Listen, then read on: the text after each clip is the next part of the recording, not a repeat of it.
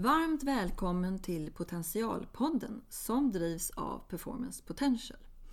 Jag som intervjuar heter Marika Skärvik och är VD för Performance Potential. Tanken är att vi ska föra spännande samtal med kloka ledare som vi har valt ut om deras syn på ledarskap och deras erfarenheter. Vi hoppas komma lite under ytan och få lite mer personliga och intressanta berättelser. Vår tanke med den här podden är att du som lyssnare får med dig inspiration och konkreta värden som du kan använda i din vardag och i din organisation. Varmt välkommen hit Johan Regefalk. Du är VD på KG Knutsson AB. Jättekul att ha dig här. Ehm, jag tänkte att vi skulle börja med och, eh, att du får berätta lite grann vem du är och eh, vad ditt företag gör. Tack så mycket, kul att få vara här. Eh, ja, KG Knutsson AB är ju en ganska, det är ett rätt stort, litet företag som jag brukar säga, men vi är tusen anställda i koncernen. Vi finns i Norge, Finland, Baltikum och framförallt i Sverige.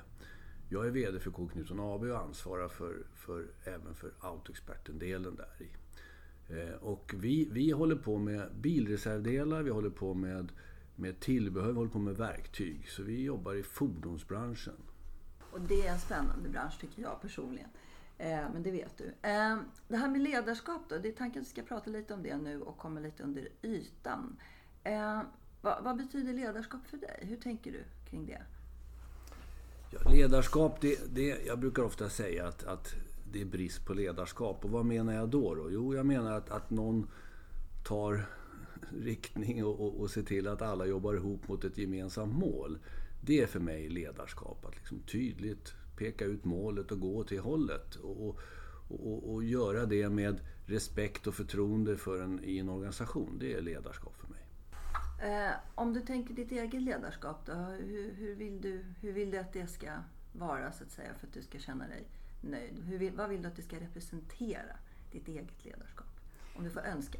Ja, ja och, och, och, det är klart det är bättre, om jag får önska själv så, så, så mina starka sidor tror jag är att jag är, är, jag är bra på att bygga förtroende och jag ser ingen skillnad på människor. Jag har väldigt jag är väldigt glad åt, åt att jag har fått en uppfostran och, och, och som alla människors lika värde. Så att jag liksom gör ingen skillnad på, på slott och koja.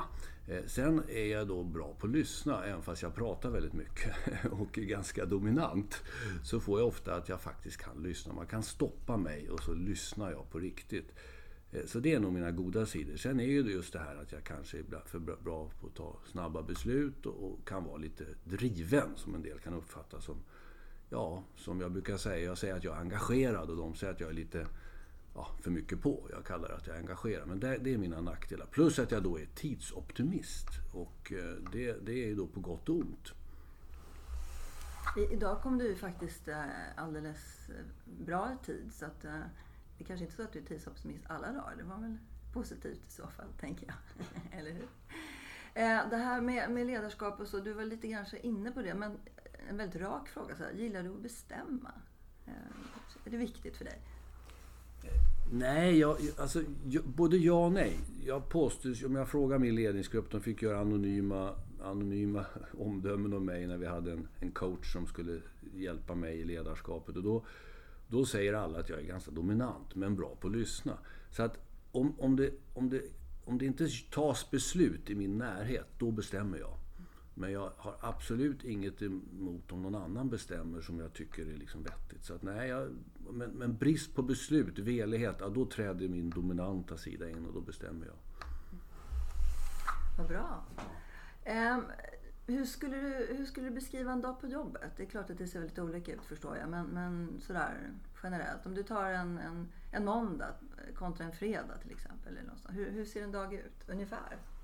Det är lustigt att du säger måndag och fredag för jag har lagt alla möten, chefsmöten på fredagar och alla ledningsgruppsmöten också.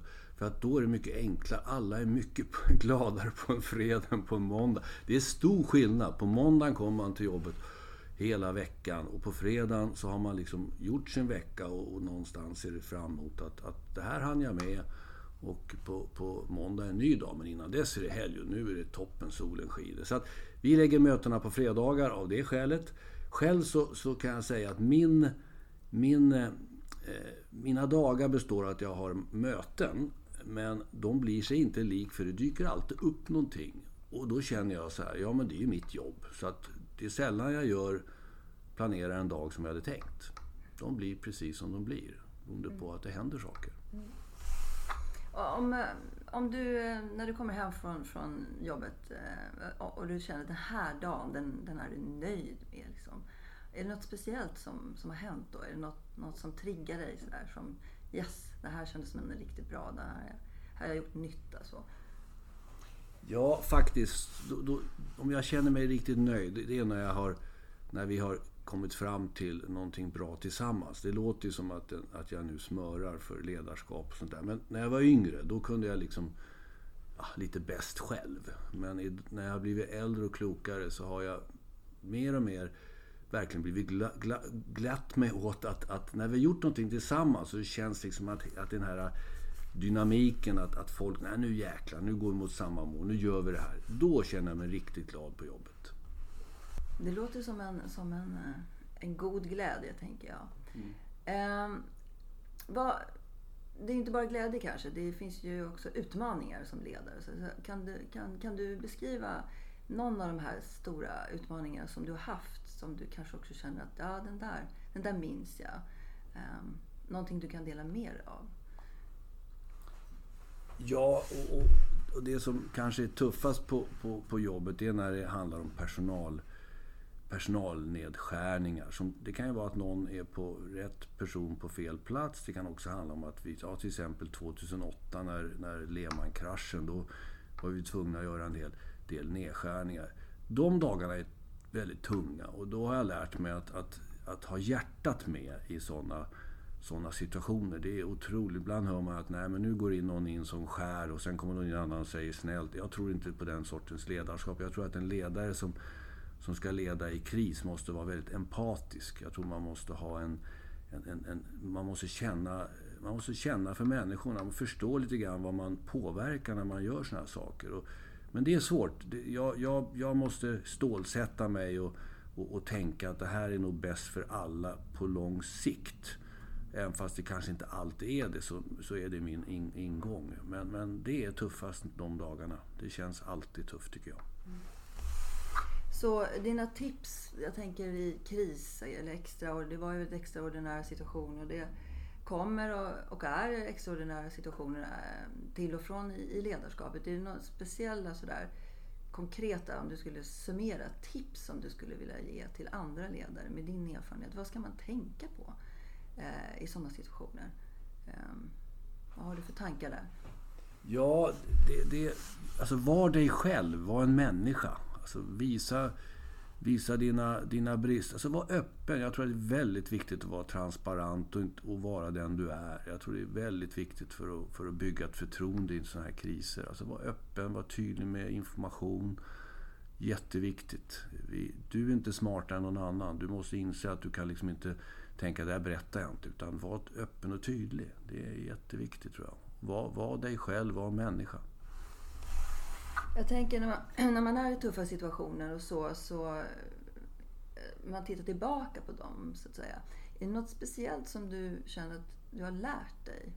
Det är lite träning det där att vara i utmanande situationer. Är det, va, va, är det något specifikt som du skulle vilja peka ut? Det här, ja, det där lärde jag mig. Det tänkte jag inte på innan. Eller så. Nå, någonting där som du vill skicka med.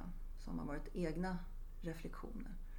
Eh, från, ja, några av de här utmanande situationerna som du har befunnit dig i? Ja, nej, men just, just det jag sa tidigare. Det, jag har väl varit med när vi har gjort tvärtom, trott att vi var lite smartare än personalen och så kallat in dem eh, och sen liksom bara berätta eh, deras, deras, eh, deras värld har rasat ihop och vi har trott att ja, men det var bra att de fick reda på det här på ett bra sätt. Nej, det har lärt mig att det är bättre att, att se till att vara öppen och, och eh, tydlig med och medkännande. Så att det har lärt mig att, att du, kan, du måste verkligen göra det här på ett sätt som gör att människorna får chans att att, att förstå varför vi gör saker. Eh, sen tycker jag själv att, att, att jag har lärt mig att ofta så har det blivit bra. Eh, ibland har du suttit och tänkt så här, den här personen kanske inte passar på den här platsen. Och så har man tyckt att ja, men det kan ju gå. Vi, nu, nu pratar jag och så gör vi så här och så sätter vi ett mål. Och så går det ändå inte. Och sen när du väl gör det som du borde gjort kanske för ett år sedan. Då blir det faktiskt bra för alla, både för företaget och för den personen som faktiskt inte riktigt trivdes i den rollen. Så att jag har lärt mig att skjut inte på de här obehagliga ärendena utan gör dem mera direkt när du är säker på att det kommer behövas. Skulle det kunna vara så att, eh, jag tänker som ledare så önskar man ju ibland att saker och ting ska vara på ett sätt som de kanske inte är. Alltså man, man skapar sig en, en, en önskan om, om någon verklighet kring, kring och man hoppas och sådär. Särskilt om man kanske är humanist och har eh, liksom hjärtat på rätta stället och sådär. så, eh, vad tänker du om det? Väntar man för länge ibland? Eller vad, har du några erfarenheter kring det där som du tänker kring? Ja, jag, jag har flera erfarenheter där jag har väntat för länge och, och det har faktiskt inte hjälpt varken företaget, oss eller den som, som faktiskt då kanske var rätt person på fel plats. Så att nej, absolut. Det är, när man har den här... När man verkligen känner att ja, men det här kommer kanske inte... Det här, är, det här är tufft mot personen. Det här vill jag, jag vill helst hitta andra lösningar. Så väntar man för länge. Eh, och, och, och jag tror att där har jag lärt mig att, att göra det snabbare. Och vi pratar ofta om det i ledningsgruppen. att Nu har vi pratat om det här i, i ett år. Nu, nu, måste vi göra någonting. Det blir inte bättre. Vi, vi, måste ta tag i det och det är bäst för alla. Så att det har jag lärt mig. Att ta tag i sakerna tidigare. Inte, och, och det är klart, är du, är du medkännande och, och humanist och, och tycker om att vara ja, älskar inte att ha konflikt utan tycker om när det är trevligt. Ja, det är klart det är tufft att ta sådana beslut. Men, men för, för, i längden så är det bättre för alla. Är man rädd att göra, göra fel, tror du, specifikt i en sån situation? Att man ska...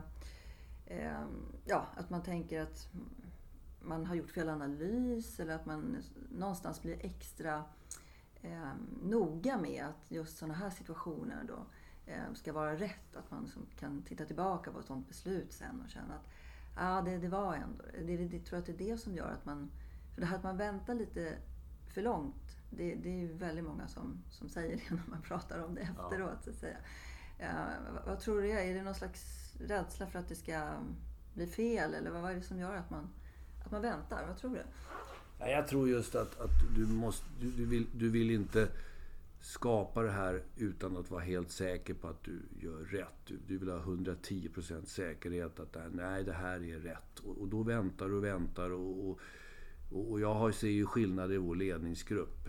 Jag har ju personer som, som faktiskt har väldigt svårt att ta sådana här beslut för att de är alldeles för... De måste ha 120% säkerhet att det här är, är rätt. Och jag tror att det är det mycket. Man, man vill inte göra drastiska åtgärder mot en annan människa utan att verkligen ha på fötterna. Och det är klart att det är ett råd när man gör sånt här att verkligen se till att man har på fötterna och inte svamlar. Om, om du till exempel kommer med, med påståenden på sånt här möte att, att någon person har gjort någonting och så visar det sig att du får en annan version av personen, ja då tappar du ju ansiktet. Du måste ju helt enkelt ha, ha gjort din läxa. Och, och, och, se till att inte lyssna på andrahandsuppgifter utan bilda din egen uppfattning. Och när du väl gjort det måste du tro på dig själv. Och känna i hjärtat, vad är det som kommer här funka? Och då, vi, vi gjorde ju det här med att vi mejslade ut våra värdeord, vad vi, vad vi är på KI Knutsson. Och det hjälpte mig mycket. Vi talade om att vi ska vara öppna, pålitliga och kunniga. Mm. Och då hade jag personer som var oerhört kunniga och oerhört, ja, oerhört kunniga. Hade stort nätverk. Jag vågade inte göra någonting. Men jag in, och insåg efteråt att de var inte pålitliga, de var inte öppna. De passade, det, passade, det gick inte ihop i vår organisation. Det passade inte kulturen. Och kulturen, du kan ha de som är högpresterande som faktiskt inte köper kulturen. Och det är livsfarligt. Du måste ha de som både presterar och köper kulturen. Annars är de lika farliga som de som varken presterar eller gillar kulturen. För de dränerar kulturen när de inte köper den och dessutom blir starka för att de har prestation. Det har jag lärt mig. Mm. Det där är en intressant eh, historia. Att, eh, det är 50 procent är, är, är, resultat och 50 procent är um, hur man agerar. Egentligen. för att det ska bli 100% egentligen. Jag tänker det här med energi och så. Det, alltså som ledare, det här tar ju energi. Men det finns ju saker som ger energi också. Eh, vad, vad gör du då för att liksom, kan man säga, hålla igång din egen energi eller, eller faktiskt kanske till och med använda din potential på bästa sätt? Vad, vad har du för knep för att, för att som, få, få igång de här situationerna? Fylla på när, när det kanske ja, eh, sinar då, energin. För det gör den ju ibland. Jag tror att man måste koppla av. Och, och, och, det är klart, det gör man på olika sätt. Jag kopplar av genom att jag meckar bilar. Det låter ju jättekonstigt men jag har alltså i huset en fullfjädrad bilverkstad som har all utrustning. Så har jag kunder, en 30-40, speciellt äldre damer som känner sig trygga hos mig. Jag har däckförvaring och däckverkstad och det gör jag på lördagarna. Då tänker jag inte på KJ Knutsson, då tänker jag på den verksamheten. Det är min mindfulness. Jag, jag, eh, får jag ett problem jag ska lösa, det är ganska besvärliga bilar nu för tiden, så får du en konstig felkod då ska du lösa det. Då måste du tänka på det, kan inte tänka på något annat. Det är min avkoppling. Sen har jag lyckan av att faktiskt sova gott på nätterna. Peppa, peppa, ta i trä. Så att jag kan vara helt slut när jag går och lägger mig och sen är jag pigg på morgonen. Och det är en gudagåva. Jag kanske får besöka den där verkstaden någon dag. Ehm, med mina bilar. Det är lätt, lätt spännande. Eh, potential då? Ja, hur, hur, hur, tar du hand om andras potential? Hur tänker du där? Tänker dina, framförallt dina kollegor och medarbetare? Så där. Har du något knep för att hålla, hålla dig liksom ajour eller hur du vet hur du ska managera eller ta hand om det där? Hur tänker du där? Ja, men det, det är en jättebra fråga. Och, eh, jag, jag, försöker, jag märker att att, eh, och det är lite grann med... Ju, ju, ju, mer lösningar mina medarbetare kommer med som jag faktiskt tycker är jätte, jävligt bra och bättre än vad jag själv hade kommit på. Ja, då, då, då tror jag att de upplever att jag verkligen med hjärtat tycker fasen vad bra, det hade inte jag kunnat klara själv.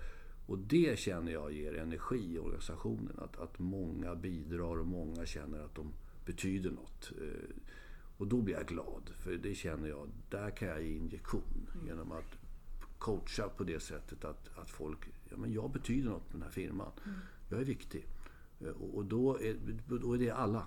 Inte bara chefer, utan det är hela vägen. Och det, det, är, det, är, det är mitt sätt. Och, och sen tror jag det är väldigt viktigt att vara, vara glad. Positiv. Att faktiskt tycka det är kul. Det måste, det måste kännas. Du pratade lite grann om värderingar och så eh, för, för lite stund sedan. Och jag tänker, ehm, om du skulle, du skulle liksom summera någonting, vad, vad är det liksom? Vad, är dina eh, kan säga, kärn, kärnvärden som du tänker att du står för? Och vad händer om du träffar personer som kanske inte, alltså som står åt ett annat håll? Så, uh, har du funderat någonting på det? Antar jag att du har gjort. Men, ja, ja jag har, man lär sig också liksom. Man tror ju först att man, alla är som en själv när man är yngre och så förstår man att men vi tänker ju faktiskt väldigt olika. Eh, ja, för mig är rätt, rätt ska vara rätt. Alltså rättspatoset är väldigt starkt hos mig. Jag har väldigt svårt att man inte gör rätt för sig. Och, och jag kommer ju från, jag kommer ju inte från en familj som gör affärer. Utan jag kommer, pappa var pilot i flygvapnet, mamma sjuksköterska. Så jag har inte det där i blodet att göra affärer. Så jag har ju alltid... Liksom, om jag ska göra affärer måste jag känna att det är bra för båda parter. Annars alltså, är jag, jag liksom, ja, och, och, därför får jag inte bestämma priset på firman heller. Det gör mina affärschefer. För jag är alldeles för, för dålig på att ta betalt. För jag tycker, nej, men är det verkligen bra för den andra? Ja, det är det, säger mina affärschefer. Du ska hålla dig undan från att ta betalt. Du är bra på annat. Nej, men så att för mig är det viktigt. Rätt, att göra rätt för sig. Om vi gör en affär, då ska det vara bra för båda. Det är väldigt viktigt för mig i alla lägen. Jag, jag fick höra när jag började på KI Knutsson att ja, men ni är bara en sån här mellanhand, ni kommer inte finnas snart. Och det var för 25 år sedan. Vi finns fortfarande och för mig är det så enkelt. Om man inte tillför något eh, från, i, i, affären, ja då har man ingen liksom, existens över tid. Och för mig är det avgörande. Det här med och bli liksom, man blir ju arg som människa ibland. Eh, även om man kanske vill dölja det och så. Och som ledare så är det något som, som Eh, man kanske måste stävja och så. Men jag tänker, är det någonting som gör dig arg och besviken? Så här, riktigt, du känner att du går igång liksom, i, i, du kanske inte visar det förvisso, men, men liksom, inombords. Så där, vad, vad, vad provocerar dig? Vad provocerar dig? Är det något speciellt som man inte ska göra om, om man vill ha ut det bästa av Johan, tänker jag? Om du frågar mina medarbetare så parkera inte på kundparkeringen. Då går jag igång. Där ska kunderna spela. Jag, jag, jag, jag blir jätteirriterad när, när personalen inte orkar gå från personalparkeringen utan säger att de ska bara hämta en sak på kontoret och så ställer sig på kundparkering. Det har upphört för alla vet att VDn går igång på det så det har faktiskt spritt sig bra så ingen gör det längre. Nej men, nej men just det här rätt ska vara rätt. Alltså det är ju är något som är viktigt för dig. Det blir ju som en allergi när någon är precis tvärtom. Det här är liksom... Eh, när folk inte är ärliga, när folk eh, ja, är för... för ja, det, när, när det inte känns schysst, då, då, då går jag igång. Eh, orättvisor och när man inte gör rätt för sig. Det, det är viktigt för mig. Du sa ju för ett tag sedan att du sover gott och det är ju mm. en bra, bra kan man säga, egenskap att ha. Men är det någon gång, är det någonting som får dig att ligga vaken om nätterna eller är du alltid eh, supercool? I, någon, någon särskild situation sådär som du genom åren vet att ah, det där kan få mig att och, ja, fundera lite väl mycket istället för att sova? Ja, alltså det, det händer ju ett par, tre gånger om året att jag ligger och vrider mig på natten. Det måste jag erkänna. Eh, och då är det, då är det ofta relaterat till någonting som, som bekymrar mig på jobbet. Mm. Eh, och, och, det är klart att då, då... Och det kan ofta ha att göra med också att jag, jag kanske hamnar där att jag måste sova. Alltså, jag måste gå upp snart för jag gick och la mig för sent och ska upp för tidigt och så har jag något bekymmer på jobbet och så ligger jag, nu måste jag sova för annars orkar jag inte gå upp. Och då, då hamnar man i det där och då, det, det händer mig två, tre, fyra gånger per år. Som tur är inte oftare. Um, vad, vad, vad, rör sig i ditt huvud just nu då? Um, är det något speciellt som du eh, funderar över? Um... Ja, det är det faktiskt. Det är så att, att något som är så, låter så osexigt som processorganisation. Man kan tycka att det, varför ska jag lägga... Jo, nej men vi är ett företag, ett entreprenörsdrivet företag där vi har check på kundfokus, check på, på egentligen på allt, allt som har med kunder och leverantörer. Det är check på hos alla. Däremot så är vi, har vi ganska mycket fel i våra processer och arbetsflöden. Det, det tar mycket energi. Vi har mycket eh, kvalitetspriskostnad som min duktige eh, verksamhetsutvecklare Tom har lärt mig att det heter. Alltså det som inte syns mer än på sista raden, att man gör bara 4% istället för 5 till exempel. Så just nu så pågår, och mycket av den här processorganisationen, vi har gjort den enklare. Vi har haft, jag har haft möten med personal, bjudit in till möten där jag har sagt max 20 stycken och så har vi gått igenom den. Jag har älskat att ha olika medarbetare i de här grupperna. Så jag har haft nu eh, 13 grupper med ungefär mellan 10 och 12 stycken med. Eh, och då har vi diskuterat processorganisationen och så har man fått göra ett grupparbete om våra flaskhalsar. Så då har jag bett dem hitta på. Då har jag sagt så här, nu är det jättekul för varenda gång ni hittar en flaskhals så kommer jag bli lycklig för då ser jag att vi har möjlighet att tjäna mer pengar faktiskt. Så, så då har de ju skickat in, så vi fick 100 flaskhalsar, jag, Tom och Thomas som var jag höll det här och så har jag två verksamhetsutvecklare som har suttit med pennan och skrivit och grupparbetena har jätteroliga. Och hundra flaskhalsar. Så nu sitter vi och försöker sätta ihop flaskhalsarna med andra initiativ och så ser vi att herregud, vi har otydlighet vad, som, vad man bestämmer olika saker i vilka olika delar i företaget och vad som är viktigast och hur vi prioriterar. Det funderar jag mest på. Det är min viktigaste uppgift just nu, för där finns det mest pengar. Jag är jättetrygg med att sälj jobbar stenhårt med kunderna, leverantörs... Alla delar funkar, men det är vårt interna samarbete som kan bli mycket bättre. Det låter som att eh, det där med problemlösning, det, det gillar du. Visst är det så? Ja, det gör jag. Nej, men jag är hands-on. Jag är liksom en, en dålig eh, chef när det gäller att sitta. Jag, jag, går igång också när det kommer konsulter som ska tala om för mig Oj, vad är eran, eran femårsplan någonstans? Jag ser inte den. Eh, och då, blir jag, då, då kan jag gå igång sådär och säga, ja men hörru du, visste du det här med dieselskandalen då? Innan den, först var ju dieseln till och med, han till och med var miljöbilar som precis gick ut samtidigt som dieseln vart en miljöbov. Visste du det?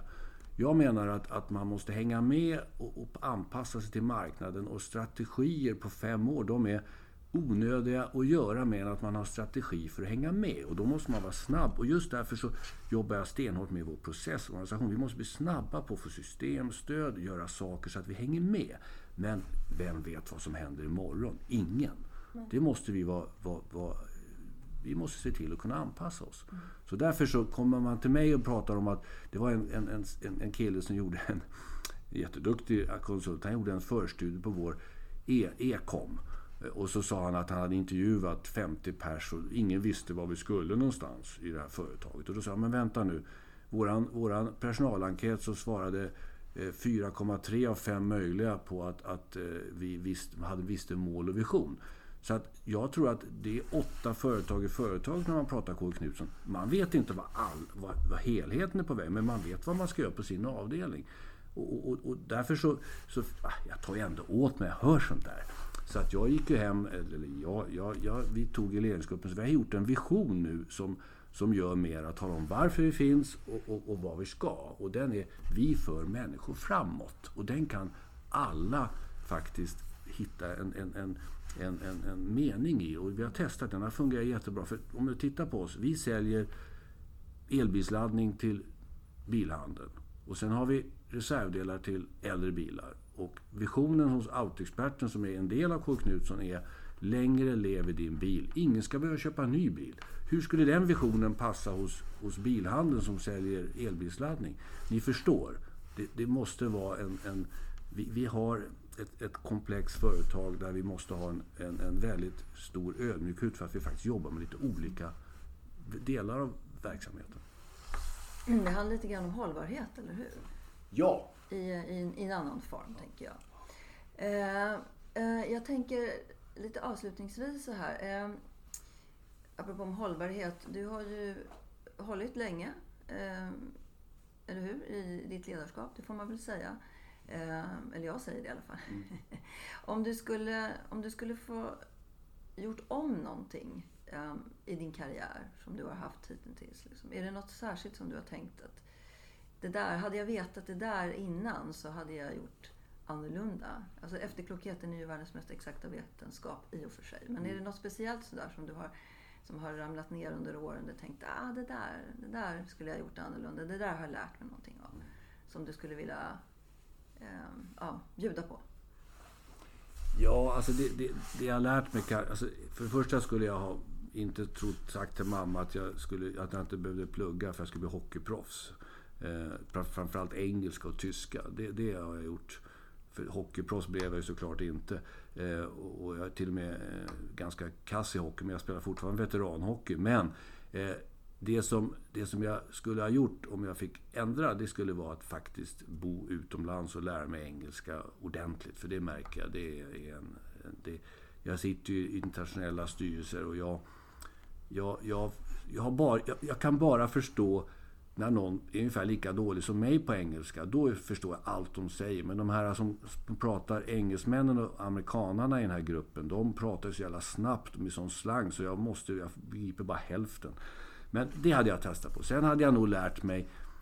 Tidigare hade jag hoppats på att liksom förstå när någonting kanske ska avslutas. Jag, jag har sån envishet. Jag skulle till exempel inte ha drivit eget företag i, i så många år innan jag hade gjort någonting annat. så att, nej, det är nog att, att lära sig snabbare att, att liksom, nej men nu måste jag växla spår. Mm.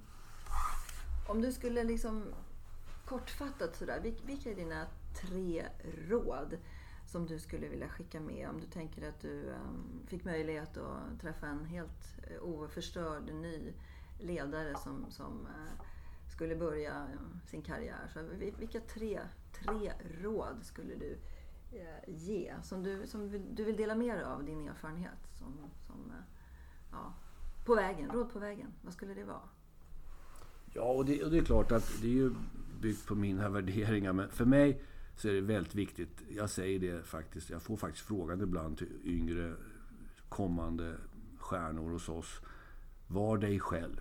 Det, det, går inte att lura någon. Var dig själv. Du duger. Med för och nackdelar så har vi alla. Så var dig själv. Det är det viktigaste tycker jag. Eller det är ett viktigt. Om de här tre så är det en av de viktiga.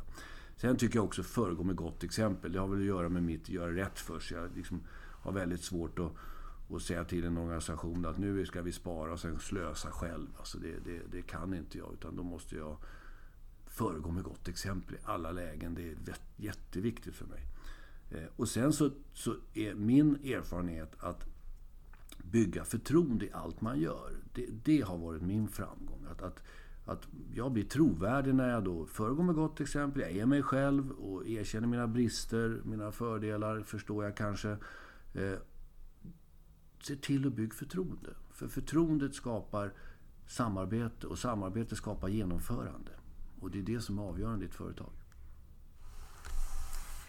Jag är jätteglad eh, Johan att eh, jag fick prata med dig en liten stund. Eh, vi har ju varit lite kan man säga, egoistiska här. Vi har valt ut ledare som vi tycker är kloka och som vi tycker representerar någon form av reflekterande och eftertänksamt ledarskap. Eh, och jag tycker att du har lämnat, lämnat ifrån dig en massa spännande, goda idéer och lärdomar som jag eh, är alldeles övertygad om att folk kommer ha god nytta av. Så jag är superglad att du kom hit och ett jätte, jätte tack. Eh, och eh, jag är också glad över vårt samarbete som jag tycker har varit väldigt fint. Så tack Johan för, för att du ställde upp och pratade lite grann med mig idag. Tack själv, det var jättekul.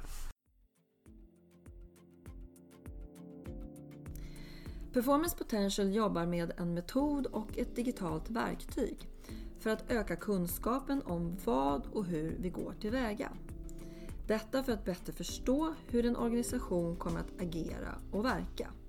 Det underlättar proaktivt ledarskap och stärker möjligheterna att få sina strategier att bli verklighet och för organisationen att nå sina mål. Vi kopplar samman verksamhetens DNA med individens arbetsrelaterade DNA. Vårt analysverktyg kallas preferensanalys. För mer inspiration, se vår hemsida performancepotential.se